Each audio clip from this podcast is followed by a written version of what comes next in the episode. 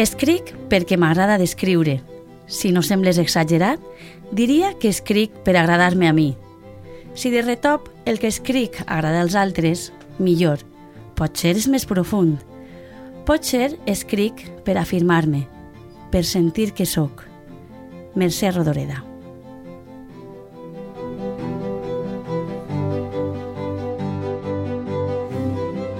Benvingudes i benvinguts a l'Arquitectura de la Ficció, un podcast on parlarem de les tècniques i recursos literaris que fan servir els escriptors i les escriptores per emocionar-nos, però també de les curiositats d'algunes obres literàries o de la trajectòria d'algunes figures.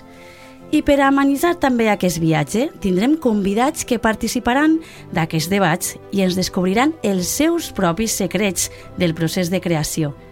Afortunadament, en aquest viatge no estic sola i m'acompanya l'escriptor Vicent Usó, autor de més d'una dotzena de novel·les i professor del taller d'escriptura narrativa de la UNED, que a més és autor d'un llibre que es titula, precisament, i haureu endevinat que no és casualitat, l'arquitectura de la ficció, on explica quines són les claus per a escriure narrativa de ficció. Hola Vicent, com estàs? Hola Sandra, estic encantat d'iniciar aquest viatge amb tu, on no sols coneixerem, com bé has dit, com s'ho fan els escriptors per a mantindre'ns asseguts a la butaca sense poder deixar el llibre que tenim entre mans, o fer-nos patir per la sort del protagonista o alegrar-nos amb ell. Quan assoleix el seu objectiu, sinó que també tindrem convidats, convidats de luxe, segur que sí, que ens explicaran com veuen la literatura, com, com la treballen, com és la seva cuina, de quina, de quina manera la practiquen, però tampoc cal contar massa, deixem que els nostres oients vagin descobrint a poc a poc, si et sembla. Jo crec que sí, que anem a deixar que descobrisquen els secrets de la nostra cuina. M'agrada molt quan parlem d'escriptura i cuina, però, però no anem a començar, Vicent. Doncs podem començar pel final. P pel final, però els llibres i les històries no es comencen pel principi. Pel final, perquè avui parlarem de desenllaços, de finals, d'un final molt particular, de fet. Un final que, a més a més, no té molt bona premsa, el Deus ex màquina, que vol dir Déu dalt d'una màquina. Analitzarem el seu origen, si és convenient o no utilitzar-lo en un relat, com podem mm, evitar que resulte també extemporani quan no tenim més remei que utilitzar-lo. Doncs bé, Vicent, eh, explica, explica. Ara ho entenc tot, perquè anem a començar pel final.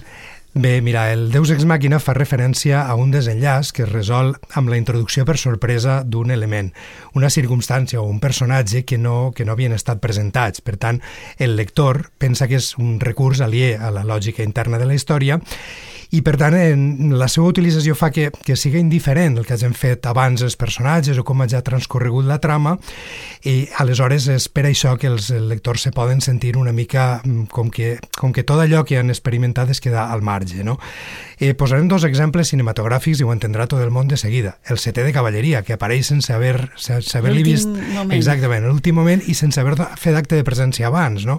O un més paròdic, si vols, eh, si heu vist la vida de Brian, n'hi ha un moment en què Brian va pujant per unes escaletes d'una torre perseguit per un, per un escamó de, de romans, arriba dalt de tot, no té cap escapatòria, l'home es deixa caure, podria caure damunt d'un envelat i el salvaríem, o podria estavellar-se contra el terra, i no seria un deus ex màquina. En canvi, el que apareix és un ovni, un ovni que se l'endú. Clar, és un deus ex màquina intergalàctic, diguem, no? Sí, ara està, està molt de moda, eh, tot això de, de les màquines. Està, està aclarit, però el recurs és, és nou? És, en absolut, no, no és nou. Naix que sapiguem en l'època dels grecs.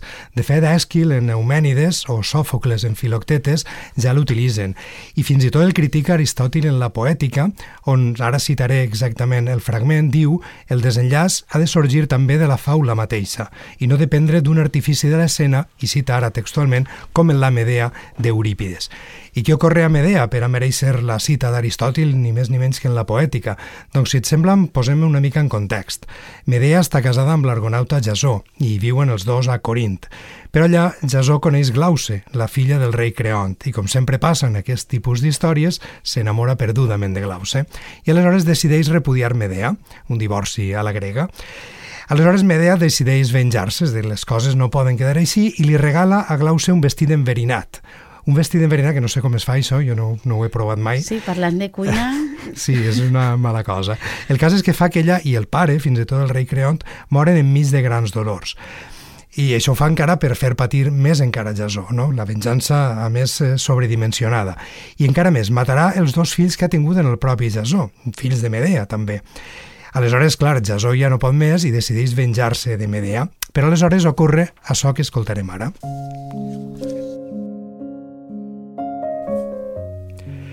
Què hi ha? És que ara vol matar-me a mi també? Els teus infants són morts. La mare els ha matat. Ai, dona, què vols dir? Com m'has destrossat? Consideres que de fills que ara no en tens. I on és que els ha matat? Fora de casa o a dins? Si fas que t'obren, veuràs morts els teus fills. Rodeu la clau sense tardar, servidors, despasseu el forrellat, que veig el doble mal, els meus fills morts amb ella, que m'ho pagarà. Jasó aleshores intenta obrir les portes. Damunt la casa, suspès en l'aire, apareix un carruatge i en ell Medea i els cadàvers dels dos xiquets. Per què someus la porta, buscant els morts i a mi, l'autora d'aquells fets? No t'esforces. Si és que m'has de menester, pots dir el que vulguis. Ara mai no em tocaràs. Tal és el carruatge que el meu avi, el déu Helios, em dona, baluart contra les mans hostils. Medea, com veiem, escapa de la venjança de Jasó gràcies a l'aparició inesperada del déu Helios amb el carruatge. El carruatge es despenja de la tramoia amb una grua, una solució que en el teatre grec no era en absolut estranya, i d'ací ve l'expressió deus ex màquina, és a dir, Déu a dalt d'una màquina. Sembla que Eurípides tenia una certa tendència a fer servir d'aquest recurs fins al punt que està present almenys en la meitat nou de les 18 obres que li atribuïm actualment. La meitat, 50%. De fet, Aristòfanes, tant tanta era la fama d'Eurípides com a, diguem, l'ús que en feia de l'ús deus ex màquina, que Aristòfanes en les tesmofòries se'n fot d'aquest ús excessiu i fa aparèixer en escena el mateix Eurípides com? Despenjant-lo també en una grua, no? És Eurípides ex màquina. En el cas dels grecs, com veiem, els déus estan tan presents en tota la literatura que pot ser no estranyava tant la seva aparició per sorpresa al final de l'obra. A veure si, si ens va quedar una, es va quedant una miqueta més clar. Eh, és evident que els déus apareixen quan, quan volen, no? I, i, i fan el que volen. I, I pel que comentes, als clàssics com Eurípides els agradava molt. Però és un recurs que, que encara avui solem seguir utilitzant? Sí, l'ús del deus ex màquina no s'acaba en els grecs, ha sobreviscut als déus completament i ha estat usat per grans autors. Per exemple, Edgar Allan Poe en El Pou i el Pèndol, que és una de les seues narracions més inquietants. Si voleu patir, no teniu més que agafar el Pou i el Pèndol i us asseguro que, que patireu. que passarem una estona de... de... Molt agradable. el cas és que conta la història d'un condemnat a mort per la Inquisició, la història passa a Toledo, que es troba, es troba tancada en un calabós fosc, com no, no veu absolutament res i evita la mort així tot dues vegades. La primera, quan a les palpentes descobreix enmig de la foscor un pou on la Inquisició havia previst que cauria, perquè l'home, clar, allà no pot veure res, no?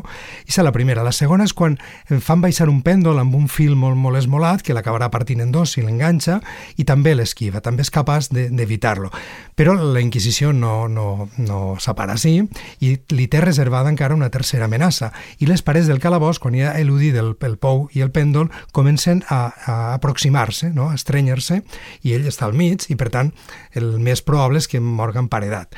Però aleshores, quan ell ja mm, dona la seva sort per perduda, passa una cosa. Què passa? Ho escoltem.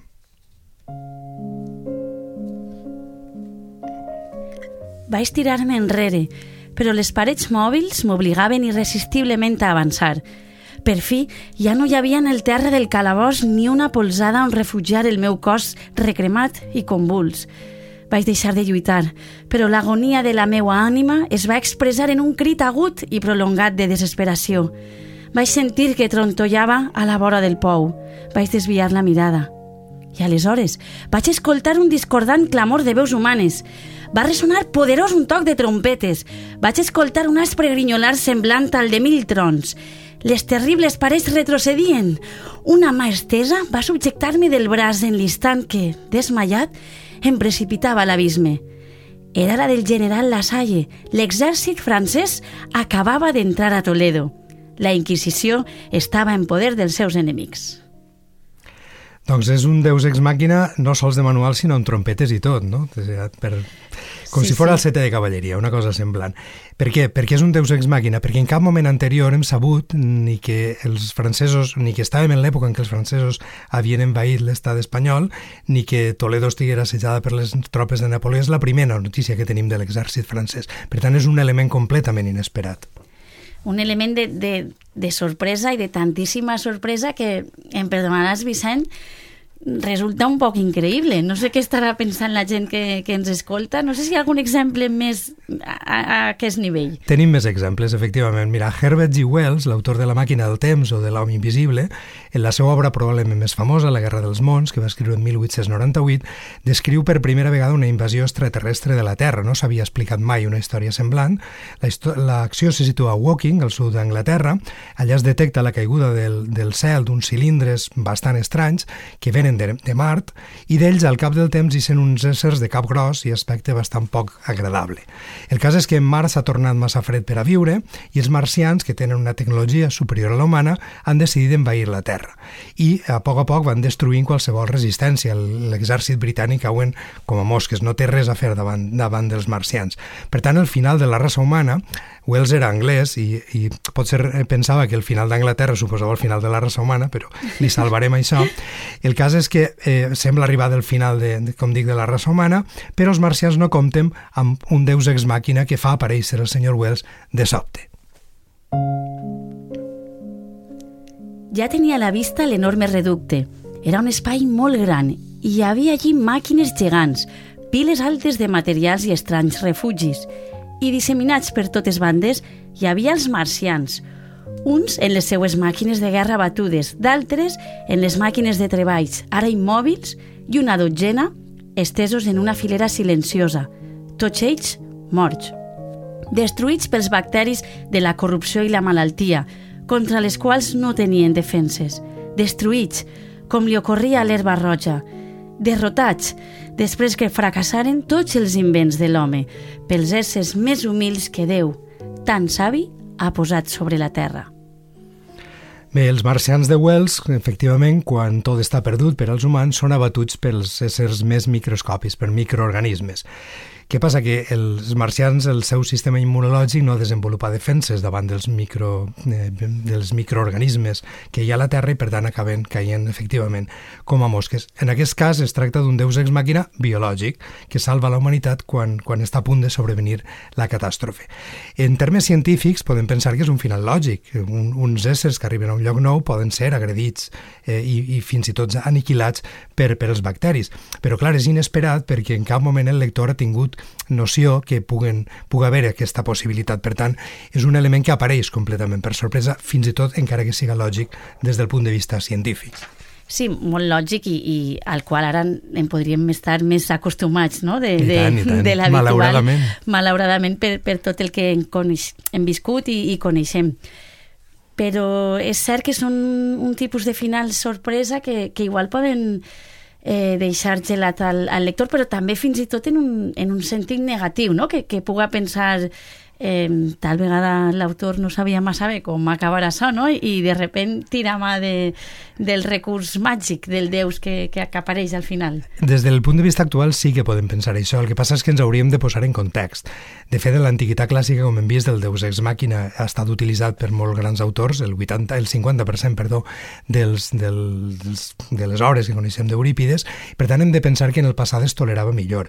Actualment sí que és una solució deficient, que suposa efectivament que el, fruit, el desenllaç és fruit de la casualitat i no de la causalitat, mm. és a dir, no de la lògica interna del relat, que no, no ens porta d'ací. Els elements que hem anat, amb els quals hem anat jugant no pressuposen aquest final, encara que, que siga sorprenent, que això sempre és bo, no?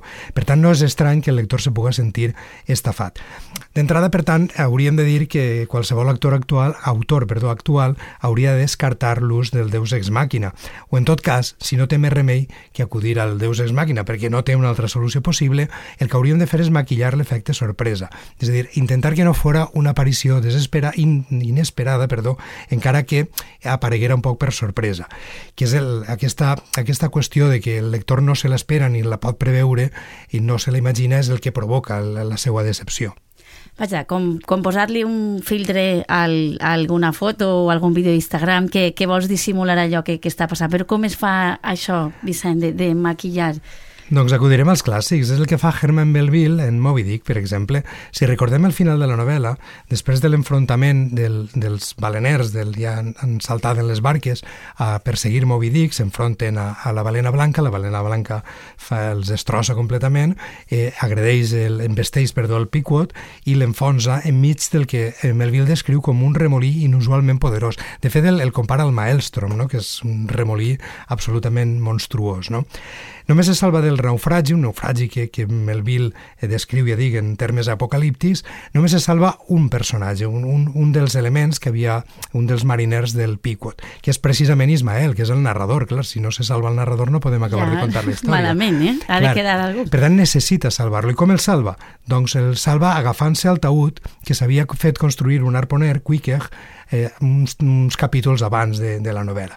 És un deus ex màquina? Si l'analitzem seriosament pot ser sí, perquè Melville eh, el fa aparèixer així de sobte, però Melville, que, que era pro, probablement conscient d'aquesta situació, el que ha fet és presentar-nos-el amb anterioritat. És a dir, amb uns capítols abans i amb tota mena de detalls, Melville ens presenta la construcció del taüt. Eh, D'entrada ens diu que Quique intueix la seva mort, sap que va morir, i com que li fa pànic ser devorat pels peixos, li fa construir a un dels fusters que van a la tripulació del Pequot un taüt. Clar, nosaltres quan estem llegint aquesta part, diem, és precís que s'entretinga tant en la construcció del taüt. Sí, no, que... no, no dones importància, és clar, allò que dius... I dius, està home, sí, perquè, clar, Melville és veritat que descriu moltes coses que no venen al cas, però, per tant, encara el lector s'estranya menys, no? Però l'objectiu final és que ens queda al cervell que Quiquer necessitava un taüt i que el taüt és allà. No sabem sí, on, sí, perquè sí, no sabem sí. on l'han deixat, però és allà. Per tant, eh, tot això fa que al final, quan aparega el taüt, que a més a més és un objecte que sura, és factible que Ismael se pugui agafar el taüt per a salvar-se. Per tant, el final apareix no sols com a lògic, sinó que el lector diu, ah, clar, allò del taüt, sí, ara sí, mira, veus... Apa... Efectivament. Perquè... I aleshores es veïm, maquillem i s'efecte sorpresa, que és el que provoca la decepció del lector. És com que per al lector tot té més sentit, no? Perquè en algun moment ja tenia l'element allà, encara que, que no l'ha acabat de veure del tot. I, i això té, té nom, Vicent? Doncs el, aquesta estratègia de maquillar el Deus Ex Màquina podríem dir que és anticipació, és un recurs que s'utilitza, eh, és el famós, el famós al que al·ludeix Chekhov quan parla de l'escopeta, que diu que si en un escenari n'hi ha penjada una escopeta, en algun moment s'haurà de disparar. Doncs això li anomenen anticipació, és a dir, tu presentes un element, el presentes probablement fora de context per a que el lector no lligui caps, però saps que en algun moment l'utilitzaràs. Aleshores, quan apareix, encara que formalment siga un Deus Ex Màquina, perquè el taüt no havia tingut ningú paper, doncs com el lector recorda que l'escopeta estava allà penjada, diu, clar, per això, per això estava allà el taüt, no? I aleshores tot li pareix molt més lògic i al final sembla emanat de la mateixa trama, encara que formalment ha sigut un element que es pugui col·locar d'una manera bastant gratuïta, si vols, no? Però gratuïta, però també fonamentada, en el fons, no? I, i fins i tot segur que algun lector o lectora acaba tornant a aquell punt a rellegir, no? per si se li havia escapat clar, per alguna cosa com més. com li feien el taüt al, al Quique, clar.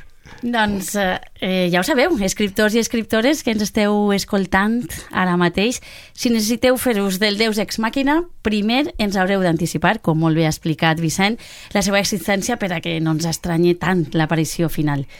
Ara, Vicent, anem a fer una pausa perquè el nostre viatge per l'arquitectura de la ficció continua i ens acompanyarà en cada episodi algun autor o autora, sempre serà sorpresa per a Vicent, a qui intentarem traure alguns dels seus secrets. Així li posem una miqueta més d'emoció. De, sorpresa com el Deus Ex Màquina.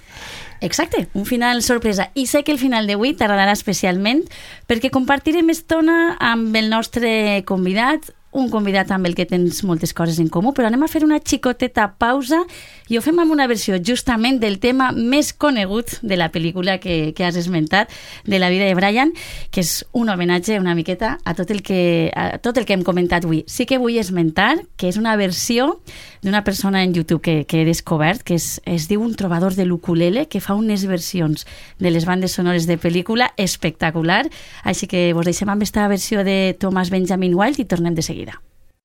Some things in life are bad, they can really make you mad. Other things just make you swear and curse. When you're chewing on life's gristle, don't grumble, give a whistle. And this'll help things turn out for the best. And always look on the bright side of life. Always look on the light side of life. If life seems jolly rotten, there's something you've forgotten, and that's to smile and laugh and dance and sing. If you're feeling in the dumps, don't be silly chumps. Just purse your lips and whistle, that's the thing. And always look on the bright side of life. Always look on the light side of life. For life seems quite absurd, and death's the final word. You must always face the curtain with a bow. Forget about your sin, give the audience a grin. Enjoy it, it's your last chance anyhow. I ara sí, Vicent, anem a fer el nostre final sorpresa i anem a descobrir-te el nostre convidat d'avui. Es tracta de l'escriptor també de Vilareal, Jordi Colonques. Jordi, benvingut a l'arquitectura de la ficció, com estàs? Hola, molt bé, molt bé, estic molt bé. Hola Jordi, què tal? Què tal, Vicent? Molt bé, sí, m'has deixat així, Sandra m'ha deixat així parat, no m'ho esperava. Sí, sí, li volíem donar una miqueta de, de sentit al primer episodi eh, parlant això de, dels finals sorpresa. Hem parlat molt, Jordi, detingudament del recurs d'Eusec Màquina. Imagine, imagine que la primera pregunta que, que s'estaran fent els, els nostres seguidors és si tu, en alguna de les teues obres, has fet servir aquest recurs. Bé, jo diria que no, almenys no de forma conscient, perquè el que sí que és cert és que, que jo escric novel·les prou breus i, i potser en algun cas en la resolució de les trames sí que hagi pecat una certa precipitació. Això sí que, mm. això sí que és cert. Però crec que ha estat a conseqüència del, del ritme mateix de la història. I us poso un exemple. Per exemple, el, en el cas de Napalm, eh, nosaltres la descrivíem com una mascleta literària, és a dir, una novel·la que, que transcorria al llarg d'un període molt, molt curt, una setmana, uns pocs dies, i en un sprint final eh, es lliguen les trames i conclouen de colp. Però jo crec que, que amb una certa previsió, no, no diria jo que utilitzant el recurs, aquell que el deus ex màquina. No, no despenjar un déu en una grua, no? Com no, els grecs. No, no. Passaven coses molt més, molt més greus, eh? Que despenjar un que, déu. Que, que la recorde perfectament, Jordi. Bé, mira, una de les coses que moltes vegades els lectors ens pregunten, tu ho saps, és, és com cuinem les nostres novel·les. No estàvem parlant abans de la cuina, l'escriptura. Doncs el que ens agradaria és que ens explicares una mica això, les interioritats i especialment, especialment, molt especialment, si tens alguna mania inconfessable. Alguna primícia. Home, no ho sé, res que no puga revelar. Eh? El que sí que sé és que a mi m'agrada molt escriure quan, quan a casa tothom està dormint. Vull dir, jo... Eh, tinc altres tres persones convivint amb mi i el que faig és que espere que tothom s'adorma i jo em poso a escriure fins ben de matinada. Jo durant molts anys he estat dormit poc més de 5 hores a les nits i, i per això jo, jo ho he gaudit perquè és en aquest moment en el que a mi se silenci, a mi sa tranquil·litat, jo puc escriure i el que faig, que això sí que, sí que per això necessite estar sol i sentir-me sol, és que quan tinc paràgrafs avançats, el que faig és llegir-los en veu alta, per veure com sonen i si són llegidors. Clar, i preferís fer-ho amb la confiança que no m'estan escoltant, no? Perquè, no, perquè ningú pensa que estic parlant sol, que em faria molta vergonya. Bé, Flaubert ho feia per una avinguda del, del poble, eh? vull dir que... Avui és dia de, de contar secrets. En, jo crec que els lectors i lectores, a, a la gent que ens està escoltant, com deia Vicent, no? El, els interessa determinades curiositats del procés de creació, però també de la motivació literària, no? que, que justament en l'arquitectura de la ficció, eh, no? que és un poc el, el llibre que inspira este podcast, eh, comença parlant de la motivació literària. Tu per què escrius, Jordi? Mira, jo de jove jo volia fer cinema.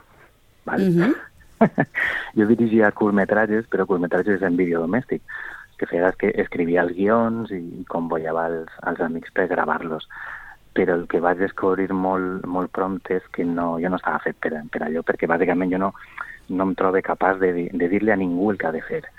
Aleshores, so, seria un director fatal.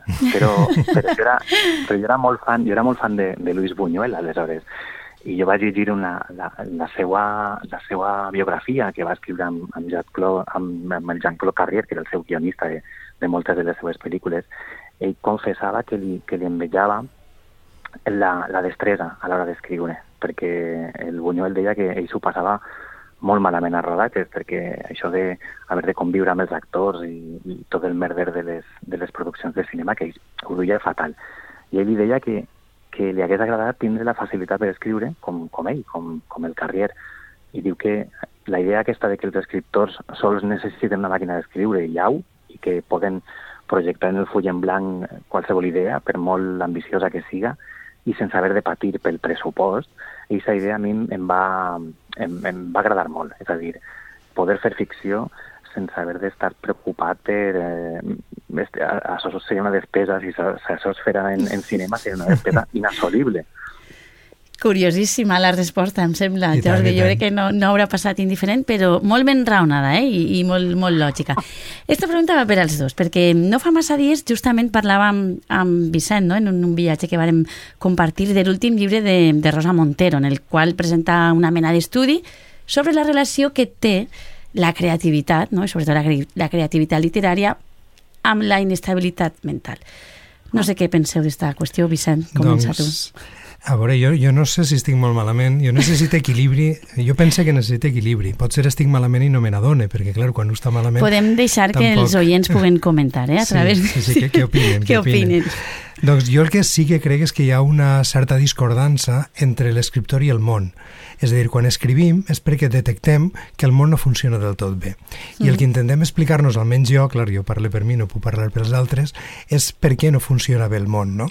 És a dir, totes les meves novel·les, d'alguna manera, estan intentant indagar en algunes de les distorsions de la societat bé actual, no, quasi sempre és actual, perquè encara que, que escrigui sobre el passat, en el fons, les preguntes són sempre sobre l'actualitat. Jo crec que la discordança, en el meu cas almenys, ja t'he dit, al marge que algú veig el que jo no sóc capaç de veure, doncs és entre, entre jo i el món, no? No sé el cas de Jordi. Home, jo estic molt d'acord amb, amb el que diu Vicent i, i, i aniria més enllà, fins i tot, perquè hi ha una... Jo una volta vaig llegir una reflexió que, amb la qual m'identifique bastant, que és, no sé, qui va dir que la creació, la creació artística és com a, allò com a conseqüència de la insatisfacció a la vida. Uh -huh. És a dir, la sensació ixa de que et manca alguna cosa, que no mai pots dir que, que eres feliç del tot. I aquesta idea de sempre estar buscant noves experiències i, i de canviar i de, i de viure la novetat eh, és el que possiblement això busques amb, amb la creació literària. En el meu cas, de fet, em passa fins i tot en els treballs que he tingut. Tu mires la meva vida laboral i és un festival. És dir, que cada poc de temps, quan, quan, quan note que estic entrant en la rutina, eh, ja estic buscant a veure quin, quina feina faré després i que siga diferent. És com quan de menuts estan jugant amb, a, a tindre diferents oficis i, i canviàvem perquè de sobte ens cansàvem. Doncs aquesta búsqueda de sempre de sentir-te satisfet i de muntar-te pel·lícules, eh, de com seria jo si fera tal. Doncs això amb, amb la ficció, amb la literatura de ficció, eh, pots, diguem que, eh, intentar eh, assolir aquesta idea de, bé, en algun moment estarem satisfets, no, no ho tinc clar. I mm, sovint, o més sovint del que és habitual, has escrit eh, obres a quatre mans. Bé, has escrit tu i algú més, clar, no és que tinguis tu quatre mans. Eh, eh, I m'agradaria que ens explicares un poc com es treballa això. Una vegada, eh, quan estava signant un any a Sant Jordi, li van preguntar a Andreu Martín i no sé qui era l'altre, eh, i diuen que escrivien una línia cadascú. Jo no sé si vosaltres feu el mateix. Sí, perquè a més repetixes en Napalm i en Monumental. Sí, tant, repetixes tant. parella artística.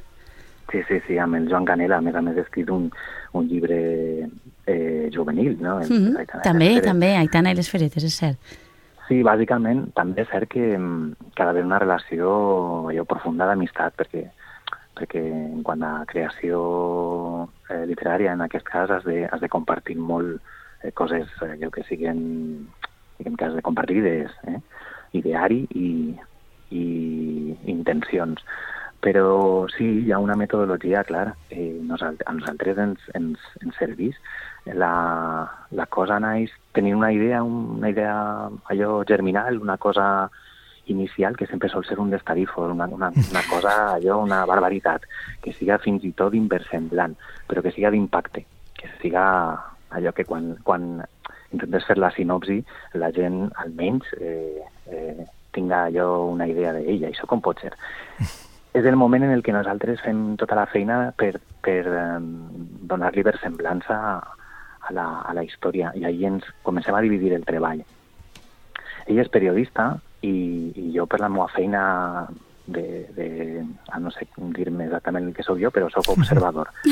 I els dos eh, ens fixem molt en, en la realitat i ens dividim a voltes, depenent de la història tal i com... perquè en les diferents novel·les hem, hem utilitzat millor alguna tècnica diferent, però ens dividim capítols o ens dividim escenes i, i fragments i el que fem és treballar en document conjunt eh, i, i revisar-lo i donar-nos, ja si està la clau, crec, donar-nos permís per a, per a editar el treball de l'altre. Uh -huh. Aleshores, quan, quan comencem a, a discutir els fragments i a posar-los en comú, com si fórem guionistes d'una d'una sèrie de, de televisió o guionistes d'una pel·lícula. Vull dir, parle d'aquests gèneres perquè és, perquè és més habitual trobar eh, l'escriptura col·laborativa no? en, en, en, en un guió de, de ficció de televisió. Eh, ahir és on, a base d'editar-lo i reeditar-lo i reescriure-ho, jo crec que al final s'homogenitza l'estil, perquè sí que és cert que ens han dit que, que no serien capaços de descobrir si, Sí, S'acabeu mimetitzant, no? Es diu així un jo, a l'altre. Jo, sí. jo, jo diria que... No, no ho tinc clar, això. El que sí que és cert és que al final el procés, el, el resultat final és molt millor que si ho haguem escrit eh, qualsevol de nosaltres eh, eh, tots sols. Jo diria que, que amb, la, amb la cooperació guanyem, mm -hmm. en aquest sentit.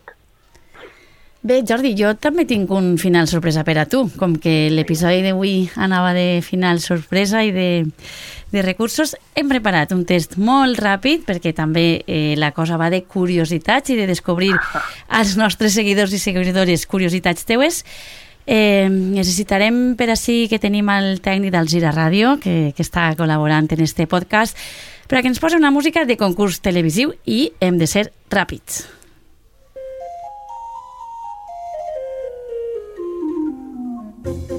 Preparat, Jordi. Vinga, grup musical preferit.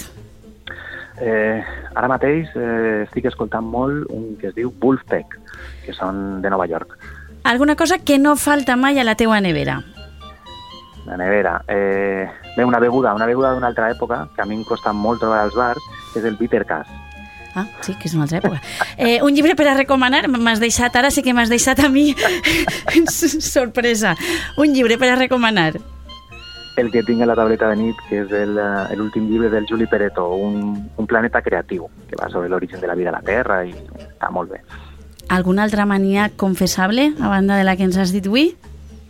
Eh, sí, sí, pot, eh, quan em demanen eh, estar en un lloc alguna hora, eh, jo em prepare tres hores abans. Jo sóc molt... mai, mai faràs tard. Què volies ser de menut, Jordi? De menut, val. Jo crec que no tenia molt clar en què consistia l'ofici del forense, però sí que m'agradava molt la idea de veure com, com eren les coses per dins. Jo crec que aquesta idea sí que la tenia bastant clara. No anaves desencaminat. Cafè o infusions? Jo sóc molt de beure cafè, però, però quan veig que estic entrant en la rutina de sempre beure el mateix, doncs em canvia i em passa el té. Una persona favorita en la teua vida? Sí, els meus fills que em cauen molt bé, són molt graciosos. molt agradables, no tot el món diu això. Si hagués pogut dirigir una pel·lícula que abans ens has dit que, que t'agradaria, quina seria? Home, jo estava molt fan del Peter Greenaway, tenia una pel·lícula que es deia El cocinero, el ladrón, su mujer y su amante, diré així en castellà, la, la versió que vaig jo. Tot i que si l'haguera dirigida jo, semblaria més una pel·lícula de Berlanga que, que de Greenaway. Gimnàs o sofà, Jordi? Vinga, que ja acabem m'ho ha agafat en un moment especial perquè m'acaba d'apuntar a un gimnàs. I la curiositat és que quan em vaig inscriure, resulta que ells ja tenien les meves dades personals, perquè, oh. perquè abans de la pandèmia me vaig, me vaig apuntar, però vaig estar un mes inscrit i no vaig anar cap dia. Ara va de bo. Ferrari o Twingo? Jo, és que, jo conduïs un Clio perquè consumís molt poquet i sóc de, de poc consum i de, i de passar desapercebut en aquest sentit. Jordi, moltíssimes gràcies per esta, per esta estona tan divertida i este, i este final. Gràcies, Jordi. Ens veiem. Una abraçada. I ara sí, Vicent, hem arribat al final del nostre primer viatge compartit. No sé com ho has vist. Ho he vist de cine. De cine, no sé si de Berlanga o de Greenaway, però de cine. Moltes gràcies, Vicent, per acompanyar-nos. Ens queden encara molts episodis i moltes gràcies, com deien abans, al Gira Ràdio, que ens cedeix un espai magnífic per a fer possible aquest podcast literari. Vicent, ens tornem a veure en el proper episodi. Ens avances alguna cosa o sí, deixem sí, sí, la sí, sorpresa? una mica. Tractarem un tema amb bonus. Allà ho deixem. Moltíssimes gràcies i fins el pròxim podcast, l'arquitectura de la ficció.